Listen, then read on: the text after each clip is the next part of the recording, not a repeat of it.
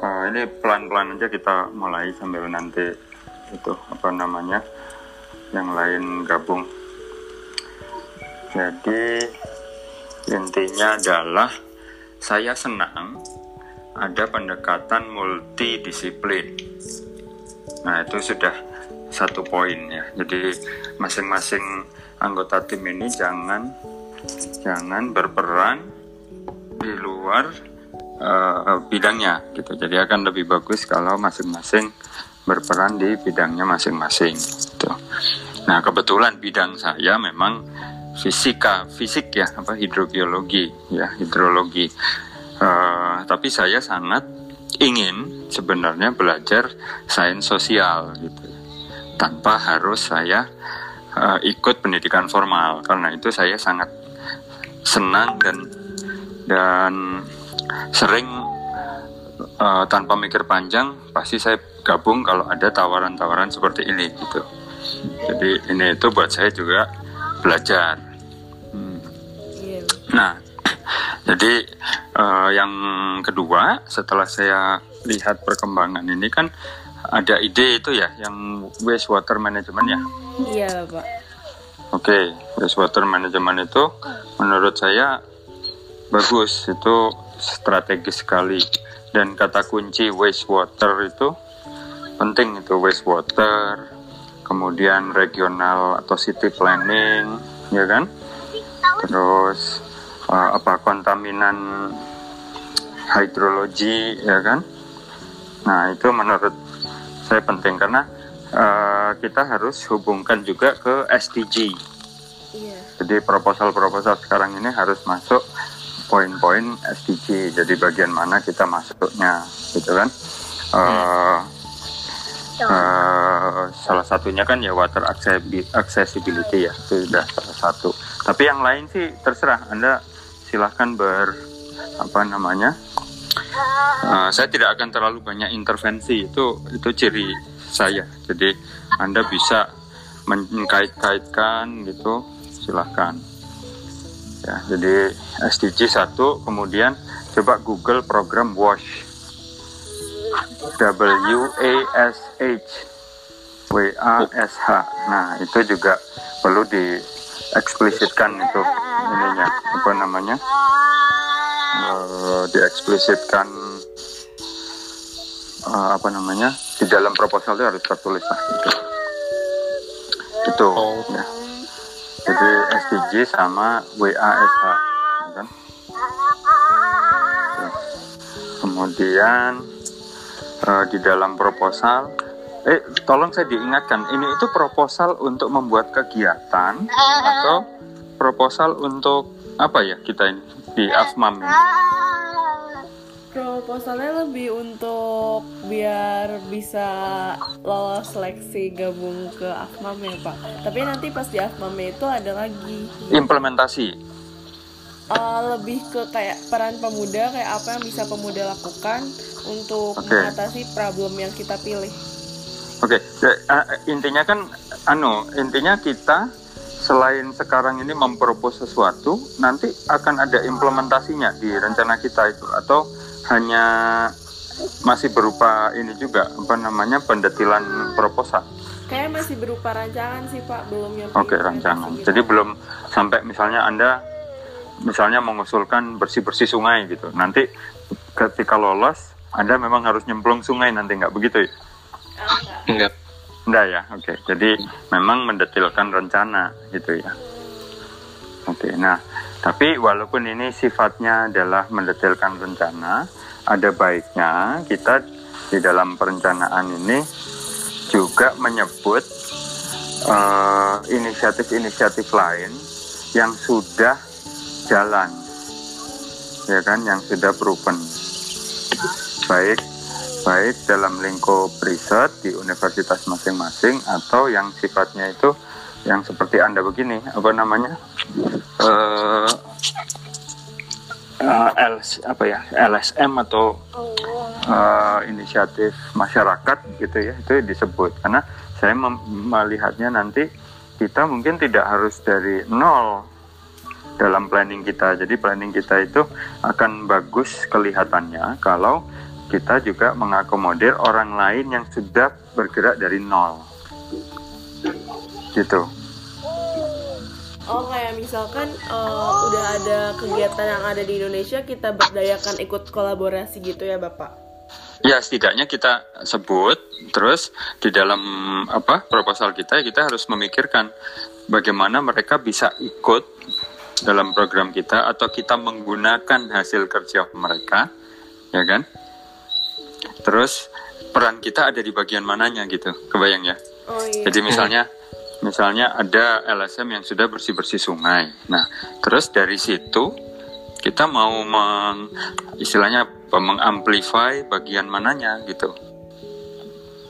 Ya kan dari hasil mereka apakah kita membantu mereka untuk mereplikasi di sungai yang lain, mengadvokasi orang-orang yang tinggal di sungai yang lain untuk melakukan hal yang sama ataukah misalnya uh, kita me mem memperdalam apa yang sudah mereka lakukan. Ya, jadi kita mau me mengulang success story, kita yang mengakomodir menjadi semacam powerhouse-nya begitu, atau kita me menganalisis uh, hasil yang satu itu lebih dalam supaya mereka bisa lebih uh, berhasil lagi menangani lingkungannya. Gitu. Kalau yang itu sih kemarin saya sempat cari ada namanya Indonesian River Rangers, tapi itu cuma di Sungai Ciliwung doang. Dia khusus Sungai Ciliwung. Iya, jadi eh, yang yang anda lakukan itu harus eh, dilakukan anggota tim gitu, karena siapa tahu kan penggunaan kata kunci itu dengan kata kunci yang berbeda anda menemukan yang lain gitu maksud saya. Ya, jadi intinya kalau memang kondisi sekarang ini belum ada kegiatan-kegiatan yang seperti anda pikirkan, ya bilang belum ada. Asal cara mencarinya memang tidak dengan satu cara, kebayang ya? Oh iya. Nah, gitu. Jadi statement Alfa tadi bilang, saya sih baru menemukan ini sih Pak. Oke, nggak masalah. Tapi eh, Anda harus yakin kalau dicari dengan kata kunci lain yang relevan, Anda memang nggak menemukan gitu. Ya. Nah, itu juga teknik untuk mencari informasi nanti saat Anda meneliti entah skripsi atau yang lain gitu. Jadi jangan hanya pakai satu kata kunci, harus beberapa gitu. Gitu ya. Nah, tapi saya setuju juga jangan mencari tanpa jalur tanpa pakai internet gitu ya. Karena sekarang kan sudah ada kesadaran untuk go online itu ya memang harus muncul di di internet kan gitu ya di jalur-jalur yang online kan gitu. Jadi anda jangan lagi nyari seperti ini di perpustakaan fisik misalnya gitu. Gitu. Jadi pesan yang ini juga terkait dengan nanti anda skripsi. Nah, nah jadi yang pertama itu eh, dari tadi yang pertama terus ya entah yang kedua apa yang ketiga. Tadi jadi anda harus bisa memetakan sekarang ini inisiatif-inisiatif sejenis itu sudah seperti apa di mana lokasinya dan apa yang mereka kerjakan terus hasilnya sementara ini apa. Nah itu yang nanti menjadi agenda anda untuk merumuskan peran anda tim ini itu nanti di mana gitu. Apakah anda akan lebih banyak misalnya mengevaluasi hasil inisiatif-inisiatif ini terus menggunakan itu untuk mengadvokasi pemerintah daerah misalnya. Ya kan? Atau anda ingin memilih salah satu jenis kemudian mengamplify itu ya kan? Di lokasi yang sama. Atau anda misalnya mereplikasi ke daerah yang lain ya kan? Itu nah sebelum saya lupa nah zaman sekarang ini itu pastinya orang akan lebih melek dan lebih senang ya trennya itu kalau anda bisa membuat aplikasi mobile. Ya kan? Nah Iya. nggak perlu terlalu canggih nggak perlu terlalu apa tapi intinya bahkan semacam Google Form pun nggak ada masalah gitu kan ya. Intinya ada sesuatu yang anda tawarkan secara online begitu ya. Jadi tolong juga jangan diartikan aplikasi itu seperti membuat harus membuat software yang jalan di Android dan dan di iOS nggak begitu ya kan? Intinya ada sesuatu yang anda tawarkan gitu. Entah mem membuat database tertentu misalnya gitu ya. Misalnya database inisiatif-inisiatif terkait sungai. Nah itu juga rasanya belum ada yang bikin. Oh. ya kan? Terus nanti anda plot di peta-peta gitu. Sekarang kan banyak cara untuk membuat plotting itu tanpa harus pakai kemampuan GIS atau programming ya anda coba cek data wrapper data W R A P P E R. Wrapper bungkus ya. Pembungkus data. Data wrapper dot de de uh, Jerman. Nah itu free bisa dipakai. Jadi anda juga juga bisa membuat peta-peta spasial yang trendy gitu dengan data hanya ya, modalnya data yang ada koordinatnya. Duduk. Kenapa mau duduk? Udah habis banyak. Sudah sudah. Dibuang nanti. Nah jadi tolong dieksplorasi itu. Jadi anda uh, punya data yang spasial atau non spasial itu bisa anda visualisasikan di situ. Nah untuk datanya sendiri anda bisa membuat entah pakai Google Form atau apa atau anda entry sendiri kan bisa saja cuman untuk mengembangkannya kan harus punya citizen data source-nya ya kan, crowdsource datanya. Nah itu silakan anda desain. Kebayang ya, ini saya rambling aja ini apa? Iya, Belum, uh, tapi pikiran saya memang kadang-kadang terlalu acak begitu. Tapi saya yakin anda pada saat nyatet itu nanti bisa keidean urutannya gimana begitu ya. Jadi saya ulang lagi tadi ini tahap proposal dan bagaimana kita mendetilkan. Yang kedua bagaimana kita bisa mengidentifikasi inisiatif-inisiatif yang sekarang sudah ada, di mana apa hasilnya, kan? Nah, yang berikutnya adalah bagaimana di dalam salah satu output kita itu kita menayangkan visualisasi, ya macam sekarang lah covid-covidan ini, kan banyak inisiatif itu sudah menayangkan nih loh peta sebarannya, itunya kan gitu, ya kan? Nah, kurang lebih Anda nanti akan seperti itu juga. Jadi nanti bisa online gitu ya. Masalah nanti hostingnya di mana kita bisa ber inilah ber bernegosiasi begitu ya. Karena kan ArcGIS sama QGIS itu kan memberikan alokasi khusus free gitu ya. Memang tidak besar untuk bisa hosting peta kan sebenarnya. Kan? Atau kita mau hosting di luar gitu boleh juga nanti saya lihat apakah saya bisa bantu dana untuk itu hmm. ya kan nah itu kemudian uh, di sisi yang lain anda harus me memikirkan juga nilai tambah jadi intinya anda itu mau menambah nilai di bagian mananya gitu? Output anda tadi ya kan? Jadi peran anda itu apa melakukan apa dan nilai tambahnya itu nanti apa? Gitu. Jadi sebenarnya ini kan uh, percakapan untuk membuat proposal biasa sebenarnya ya kan? Ya yang mungkin mungkin anda dengan dosen anda sendiri tidak terlalu intensif gitu membahasnya saya coba ini bisa memberi nilai tambah juga buat anda jadi saya tidak akan banyak me menceritakan sesuatu yang mungkin akan dibahas oleh dosen Anda nanti gitu ya. Di luar lingkup ini, AFMAM ini kan gitu. Nah, jadi itu kemudian Anda juga bisa coba kalau untuk menggali ide ya, itu pakai Open Knowledge Maps. Bahasa Inggris biasa disambung ya. Yeah. Open Knowledge Maps .org. Nah, di situ tuh seperti Google, yang eh Google Scholar yang intinya nanti dia akan mapping tematik dokumen-dokumen yang dia dapatkan. Nah, jadi nanti akan Anda lihat ada lingkaran yang besar berisi makalah yang lebih banyak dibanding lingkaran tematik yang kecil berisi makalah yang lebih sedikit. Gitu. Nah, nanti keyword-keywordnya akan muncul juga di situ. Hmm. Nah, itu untuk mencari keyword mana yang masih kecil lingkarannya, mana yang sudah besar, dan Anda mungkin bisa mendeteksi mana lingkaran yang belum muncul di situ. Nah, ini saya yakin dosen Anda juga nggak ada yang ngajarin ini. OpenKnowledgeMaps.org itu. Jadi sekarang ini kita mungkin masih coba menggali ide ya. Topiknya sih sudah ada, tinggal sekarang subtopiknya mau apa lebih lebih presisi lagi gitu ya. Nah, untuk diketahui juga sekarang ini sedang marak penelitian yang sifatnya itu sosial science ya, kualitatif.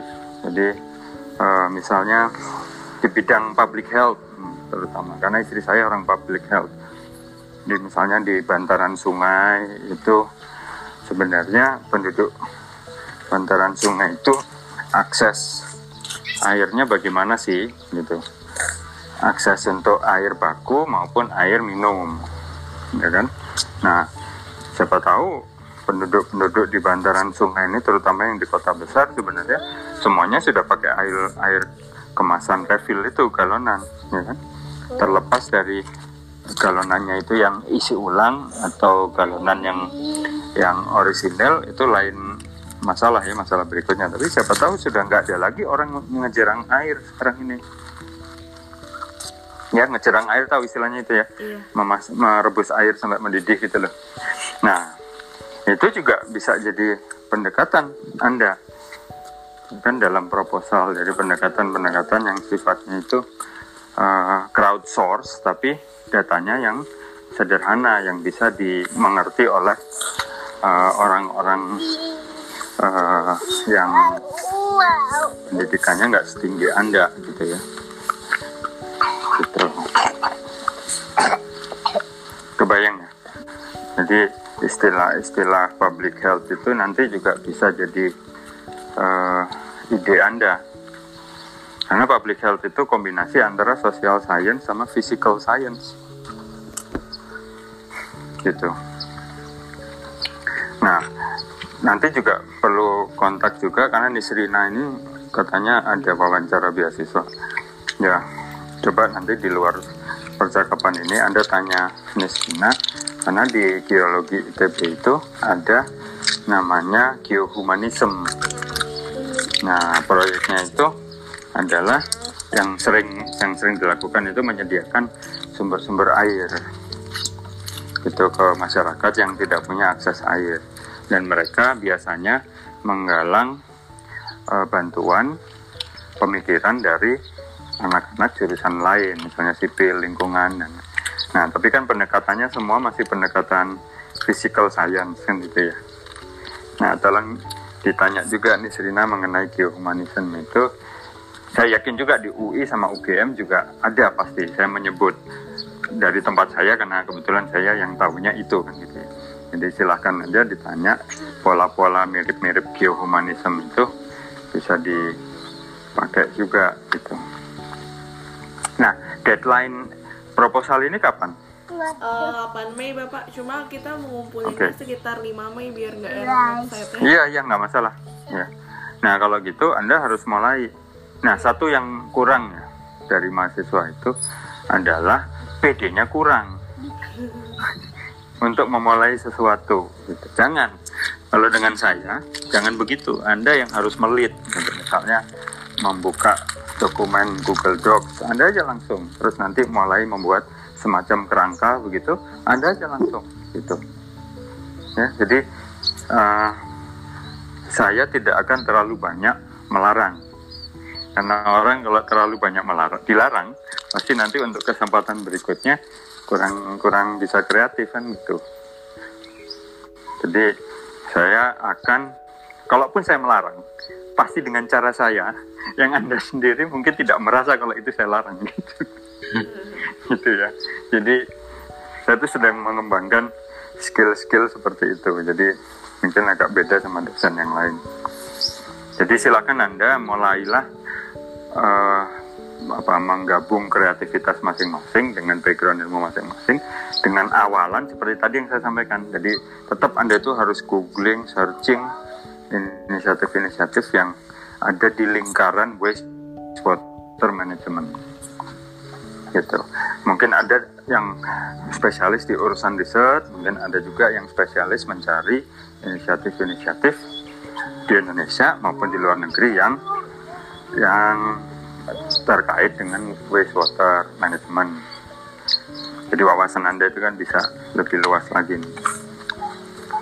mungkin begitu kalau dari saya ada pertanyaan Eh, nah ini kayak kuliah aja jadinya Eh, Lutfi kemarin lu nulis mananya tuh yang di dok April enggak Kenapa? yang nulis pertanyaan yang dari bagian impact itu lu atau Belinda Oh ini Belinda Pak, sih. gue mau, mau nanya, Pak. enggak Pak Erwin, saya mau nanya. ya ya ta- di paper yang bakal, di proposal yang bakal kita buat itu kan nanti ada di terakhirnya tuh ada ba- ada bagian impact kan, Pak. Kayak ngehook sebenarnya solusi yang kita tawarkan ini tuh impactnya tuh seluas apa, terus se sekena apa gitu ke masyarakat.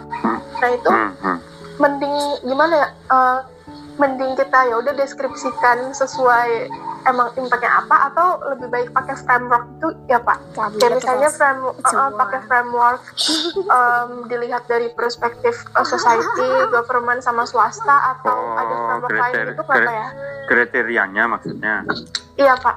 Nah, gini, kalau saya jadi penilai, maka saya akan menilai lebih bagus proposal yang bisa menilai dirinya sendiri, menilai impactnya itu berdasarkan perspektif-perspektif yang sudah ada sekarang. Jadi dikelompokkan gitu, nggak usah terlalu rumit. Jadi misalnya dari sisi saintifik apa, dari sisi eh, kemasyarakatan apa, mungkin anda bikin kuadran saja, supaya nggak banyak-banyak jadi empat gitu, ya kan? Hmm. Nah gitu pak, itu Oh, akan. Merebut hati reviewer itu lebih lebih kenceng dibanding anda hanya misalnya ya nanti impactnya satu dua tiga empat Hmm. Oke. Oh, oke makasih ya pak sama-sama. Anda juga bisa pakai spider diagram, bisa apa pak kebayang ya. Jadi misalnya begini, Anda punya punya kriteria itu perspektif dari misalnya empat empat ini empat apa namanya empat empat pers, empat perspektif misalnya. Nah, Mm-mm. Anda bayangkan itu menjadi empat garis yang berpotongan di titik yang sama, ya kan? Oh. Nah, empat empat garis itu masing-masing garis itu ada ada nilainya plus ke atas 0 sampai 5 misalnya skalanya, ya kan? Ke bawah minus 0 sampai 5. Nah, kalau Anda bisa menilai impact-nya itu berdasarkan itu nanti kan kelihatan bentuknya. Jadi Anda itu akan lebih condong ke saintifik atau lebih condong ke mana gitu. Hmm. Ya, coba aja Google spider diagram. Spider. Hmm. Nah, itu juga cara yang yang menarik gitu. Ya kan, mungkin juga Anda bisa menilai inisiatif-inisiatif secara subjektif Anda ya, inisiatif-inisiatif yang yang Anda temukan itu untuk perspektif yang kriteria yang 4 biji tadi kira-kira nilai relatifnya berapa. Nah, nanti akan ketahuan kan eh, klaster-klaster inisiatif yang lebih condong ke saintifik, klaster-klaster inisiatif yang lebih condong ke masyarakat, dan seterusnya. Bahkan yang begitu pun itu belum ada yang bikin. Yakin saya. Yakin saya. Jadi saya itu suka bingung ya kalau misalnya ya kalau mahasiswa bingung masalah topik meneliti saya bisa paham lah karena mungkin eh, masih apa belum banyak ketemu orang gitu. Tapi kalau dosen sampai bingung gitu loh. Apa ya saya mau melakukan apa yang minim biaya nggak perlu ke lapangan? Ya yang seperti tadi nggak ada yang bikin. Gitu. Hmm. Nah, jadi kalau Anda bisa membuat misalnya Anda menemukan inisiatif misalnya 10, nggak usah banyak-banyak. Anda pilih misalnya dari 20, Anda pilih 10 yang yang akan Anda ambil gitu ya. Yang sebagai yang utama. Coba aja petakan inisiatif A itu lebih condong ke mana. Anda bikin-bikin lah itunya. Bisa kok itu. Jadi nggak perlu harus ada referensi visualisasinya harus begini. Enggak. Oh, gitu. Jadi pertanyaan bagus itu. makasih Pak. Hmm. Eh, Bapak, saya juga mau nanya. Eh, jadi kan Ya, eh, tadinya di bagian solusi yang mau kita berikan, kita tuh kita bagi tiga gitu Pak. Ada yang untuk masyarakat, ada yang untuk pemerintah, sama ada yang juga untuk Ya. sektor industri yang buang Ya. limbah ke sungai. Nah, terus pertanyaan kami, saya sejauh ini yang untuk pemerintah, eh, eh, tes. Pertanyaannya saya, kalau misalkan yang untuk pemerintah dan sektor industri solusinya itu harus selalu berbentuk kebijakan gitu atau enggak sih pak? Tes. Ya, sorry, saya, saya putus tadi nerima telepon. Tapi gimana tadi yang saya lihat, yang saya dengar Anda mau bikin impactnya itu tujuannya itu untuk tiga ya, masyarakat, pemerintah, sama apa tadi? Uh, sama sektor industri yang buang limbah ke sini. Private Oh, sector. private sector. Ya. Uh, uh. Oh, oke, oke. Nah, tadinya tuh yang udah kita Terus? bikin uh, solusi untuk pemerintah dan private sector itu lebih ke berbentuk kebijakan gitu, Pak. Cuma kan kalau kayak kebijakan rasanya tuh kurang implementatif gitu. Kira-kira ada nggak sih Pak kayak solusi yang bisa kita berikan untuk private sector dan government tapi selain bentuk kebijakan? Lebih lebih praktis gitu Ya, ya. uh, uh. Oke. Saya eh, rasanya bisa itu dilakukan, bisa. Nah, untuk untuk itu Anda salah satu outputnya itu berarti policy brief istilahnya, policy brief. Nah, coba Anda googling yang namanya policy brief itu eh, penampilannya seperti apa, terus spesifikasinya seperti apa. Kalau memang ingin detail, sedetil apa misalnya. Oke. ya policy brief itu juga salah satu output yang jarang dilirik oleh mahasiswa juga dosen-dosennya Wala. gitu jadi output penelitian itu kan kebanyakan apa makalah di jurnal itu sih yang menurut saya memang nggak terlalu nggak ada orang normal baca makalah jurnal. Itu kan harus diakui gitu ya. Tapi juga eh, dosen tuh peneliti nggak pernah menawarkan ini apa namanya solusi-solusi yang sudah taktis gitu loh. Terlepas dari itu pun belum tentu dilakukan oleh pemerintah itu bukan di luar kita gitu ya. Tapi untuk bisa menggambarkan itu pun tidak dilakukan gitu loh. Ya kan? Jadi kalau anda bisa atau berkeinginan membuat itu bagus oleh karena itu eh, coba googling policy brief itu penampilannya harus seperti apa terus eh, sampai seteknis apa isinya gitu ya kan gitu Oh, baik Bapak, terima kasih. gitu ya Ya, siap Bapak. Mm-mm. Ada lagi Oke, mau tanya nggak? Oh iya pak. Mm-mm. Oh iya pak, mau nanya pak. Mm. Eh, kan kalau kita kemungkinan bakal bawa solusinya kan dari dari tiga perspektif tadi ya pak ya, pemerintah, eh, society sama private sector. Nah, kira-kira menurut bapak sendiri lebih baik juga dikerucutin gitu pada solusi itu solusi utama gitu atau gimana ya? Misalnya kayak satu solusi juga merangkul tiganya langsung gitu. Eh, kalau saya lebih baik mencakup tiga, tapi bahwa nilai untuk masyarakat misalnya lebih tinggi untuk private dibanding private sector, nggak ada masalah. Tapi kalau bisa eh, semua sumbu itu terisi gitu, Oh, gitu. Fokus boleh, tapi jangan melupakan yang lain. Oke oke oke. Nah, Asli sih, asli push kakak. Makasih pak. gitu. Nah. Terus, oke dan setelah ini menurut saya sih udah aja langsung lompat ke proposal gitu ya. Hmm. Jadi sesuaikan dengan template-nya maunya gimana, udah kita isi sama-sama gitu. Hmm, Dan mudah-mudahan sih kondisi. Kuota Anda memungkinkan kalau ngeditnya itu langsung di Google Docs gitu. Itu mudah-mudahan sih nggak terlalu berat ya. Makanya ini saya memilih modus non video itu juga selain karena saya bosan lihat muka saya sendiri, ini juga supaya ramah kuota lah gitu. Iya. Ini kan dosen-dosen kita ini kan apa sangat ikut-ikutan menurut saya. Nggak mikirin mahasiswa, semuanya pakai visual, pakai zoom dan semuanya harus streaming live gitu. Sementara kuliah-kuliah online saya itu jarang ada yang live, nggak pernah ada.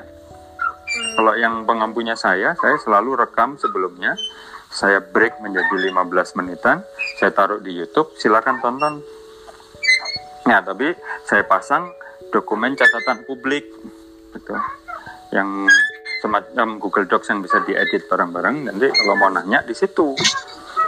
Nah, semuanya saya taruh, saya tempelin di blog saya, gitu caranya.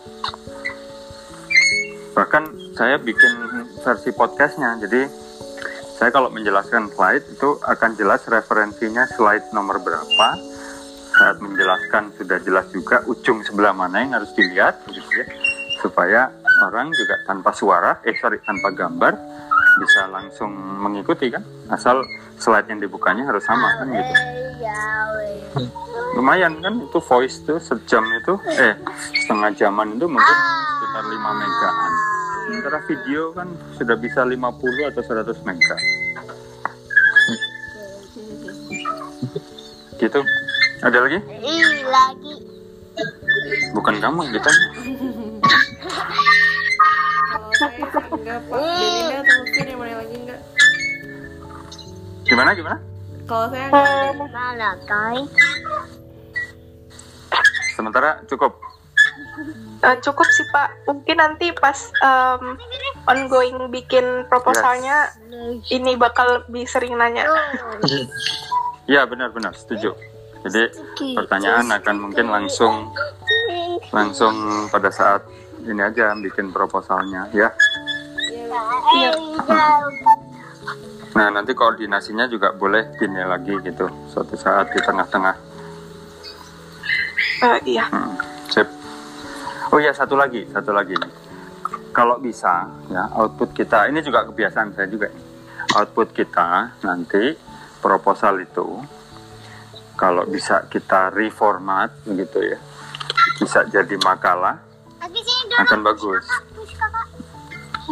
Gitu jadi eh, kita reformat lah nanti setelah jadi makalah anda ikut lomba nanti makalah itu kita reformat kita perkaya lagi supaya bisa jadi makalah semua tim namanya masuk kan gitu Bisa sih Pak, soalnya juga yang ini anda juga- kan punya riwayat menulis formal kan jadinya Iya.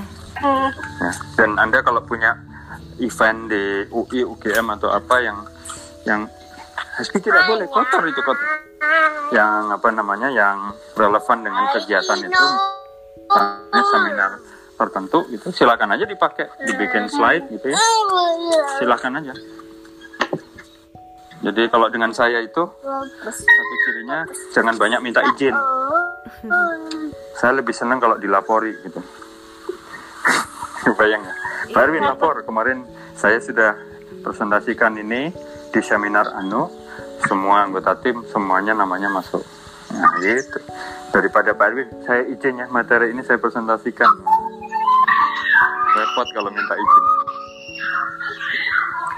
Gitu mungkin? Oke? Oke Pak. Oke Pak. sip.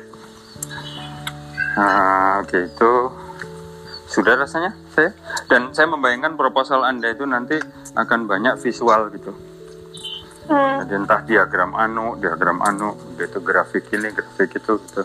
Berapa panjang sih proposalnya? Maksimal 500 kata doang Pak. Sedikit berat, Pak. Ya, ya nggak apa-apa. Nah, itu artinya apa? Nanti kita bisa sisipkan referensi. Jadi kalau kita bikin sesuatu ditaruh di luar, nanti disitir di dalam eh, teksnya itu. Oh iya. Ya, kebayang ya. Jadi seperti lihat lihat membaca blog, terus misalnya ada kalimat tertentu yang di insert link, nanti itu diklik gitu. Oh, Jadi kita kita punya naskah utama yang nanti dikompetisikan, tapi di luar naskah itu ada data dan informasi pendukung gitu. Oh, ya, kayak beberapa jurnal ya, Pak? Ya. Dan tidak perlu juga harus jurnal. Jadi misalnya begini, Anda misalnya ya nanti data wrapper itu, kalau Anda sudah bisa ada data dan nanti mau bikin apa namanya visualisasi, tinggal disitir aja di dalam teks. Iya. Ya kan? Siap. Karena mungkin tidak memungkinkan kalau kita insert figur kan gitu ya. Hmm. Gitu. Uh. Oh. Uh. Ih. Hmm. Mau ke mana kamu? Hmm. Hmm. Ada lagi? Eh, udah udah sih Oke, sudah sebentar. Ini warga ya yang datang itu siapa aja tadi sebentar. Yofi, ah, Belinda. Belinda dari mana? Anda itu panggilannya Dari- gimana? Saya Bel aja Pak, Oh, Bel. Dari? dari UI Pak. Oke, UI. Ya, sudah. Nanti rekamannya di share aja sebelum Anda gabung. Direkam sama Aufa. Iya pak. Baik. Ya. Nanti rekamannya juga kalau Anda ini bisa ngirim, kirim ke saya juga boleh. Iya nanti saya ke drive. Ya. Hmm. Ya sudah itu dulu. Iya. Terima kasih bapak. Ya. Makasih ya Pak. Oke, sama-sama, sama-sama. Ini yang sehat semuanya, jangan jangan ini apa? Nekat-nekat keluar tanpa pengaman. ya. Ya, mudah-mudahan sehat semua. Oke. Terima kasih semuanya ya. Iya makasih juga. Iya. Pak, makasih banget ya Pak. Sama-sama, sama-sama. Assalamualaikum. Salam. Jadi pulang.